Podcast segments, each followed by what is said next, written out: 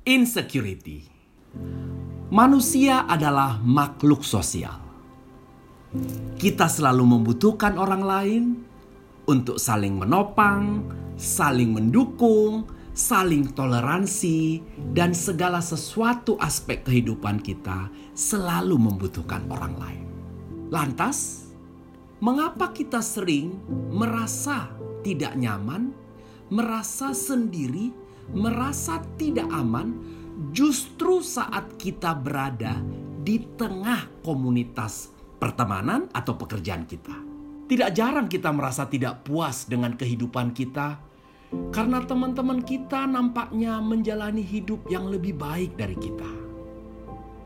Apalagi semenjak pandemi, kita menjadi minim interaksi dan hanya mendapat update mereka di media sosial. Rasanya kita menjalani 24 jam yang sama, namun mengapa rasanya saya stuck di sini sementara teman-teman saya bergerak maju? Mengapa saya kesulitan dalam pekerjaan sementara rekan-rekan saya karirnya makin naik? Apakah ini yang dinamakan insecure? Ada banyak hal yang menjadi faktor pencetus insecure dalam diri. Trauma, ekspektasi yang tidak tercapai, pergaulan yang kurang suportif, dan yang paling umum adalah kurangnya rasa percaya diri. Walaupun insecure cukup sering dialami pekerja muda dan remaja, tidak banyak yang mengerti bahwa mereka mengalami kondisi ini. Karena tidak segera ditangani, Seringkali perasaan ini berakar dan menjadi semakin dalam, membuat penderitanya merasa kecemasan berlebihan hingga depresi. Jadi, sebenarnya apa tanda-tanda insecurity?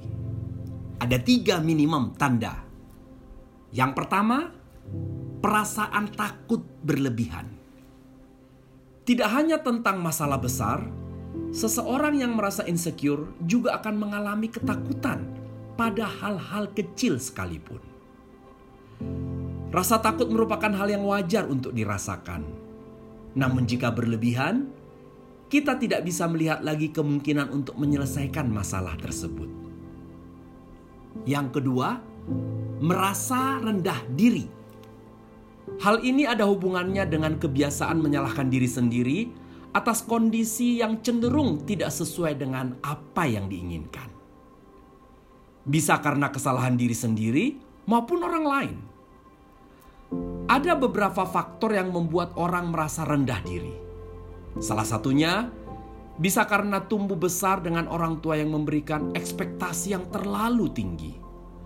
Atau juga karena diri kita tidak bisa menerima fakta bahwa diri kita tidak harus menjadi sempurna. Yang ketiga, sering membandingkan diri sendiri dengan pencapaian orang lain. Ini kebiasaan yang paling umum dilakukan oleh orang-orang yang insecure, terutama setelah datangnya sosial media.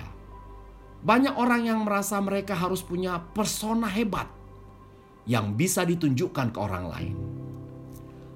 Banyak yang akhirnya membuat standar kecantikan standar kesuksesan, standar kehebatan berdasarkan jalan hidup orang lain. Alhasil, mereka tidak puas dengan diri sendiri saat standar itu tidak tercapai. Di saat sukses orang bukan menjadi motivasi tetapi menjadi bahan insecurity, di situlah titik bahaya mulai. Tidak jarang karena insecure orang menjadi nyinyir dengan kehidupan orang lain. Sekarang kita sudah memahami lebih dalam mengenai insecurity. Bagaimana caranya untuk menghilangkan perasaan itu dari kita? Saya akan memberikan tiga tips untuk menghilangkan perasaan insecurity. Tips pertama, tingkatkan rasa percaya diri. Coba tumbuhkan rasa percaya diri dengan fokus kepada keunggulan Anda. Bangun rasa percaya diri dengan mengenali kemampuan dan keunikan diri sendiri. Anda berharga dan Anda mampu. Untuk bisa membuat orang lain melihat potensi diri Anda, Anda harus melihat dan percaya diri terlebih dahulu dengan diri Anda. Tips kedua, hidup dalam lingkungan yang sehat. Lingkungan di sini bisa berarti pertemanan maupun tempat kerja. Pilih orang-orang yang suportif dalam proses pengembangan diri Anda. Bukan teman-teman yang justru menghambat Anda untuk mengembangkan kemampuan dan kepribadian. Lingkungan yang sehat juga akan mengingatkan kita bahwa kita terus berkembang dan tidak boleh terlena di dalam zona nyaman. Teman yang baik selalu akan ada untuk Anda mengingatkan Anda saat Anda membuat kesalahan, menyemangati Anda saat masa-masa sulit, dan bersuka cita bersama Anda di saat Anda sukses. Tips ketiga, berhenti melihat orang lain sebagai kompetisi. Hidup ini bukan sebuah lomba lari. Tidak butuh lebih dulu dari orang lain.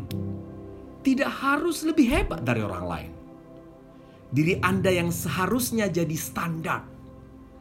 Anda bisa lebih baik dari Anda yang sebelumnya.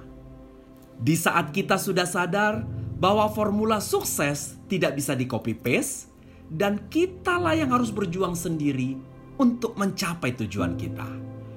Di saat itu jugalah kita mengerti bahwa membandingkan diri dengan orang lain adalah hal yang sia-sia. Teman-teman, Jadilah versi terbaik dari diri kita sendiri. Dan percayalah bahwa kita diciptakan berharga. Dan kita selalu mau dan selalu bisa mewujudkan apa yang kita mau mengenai diri kita.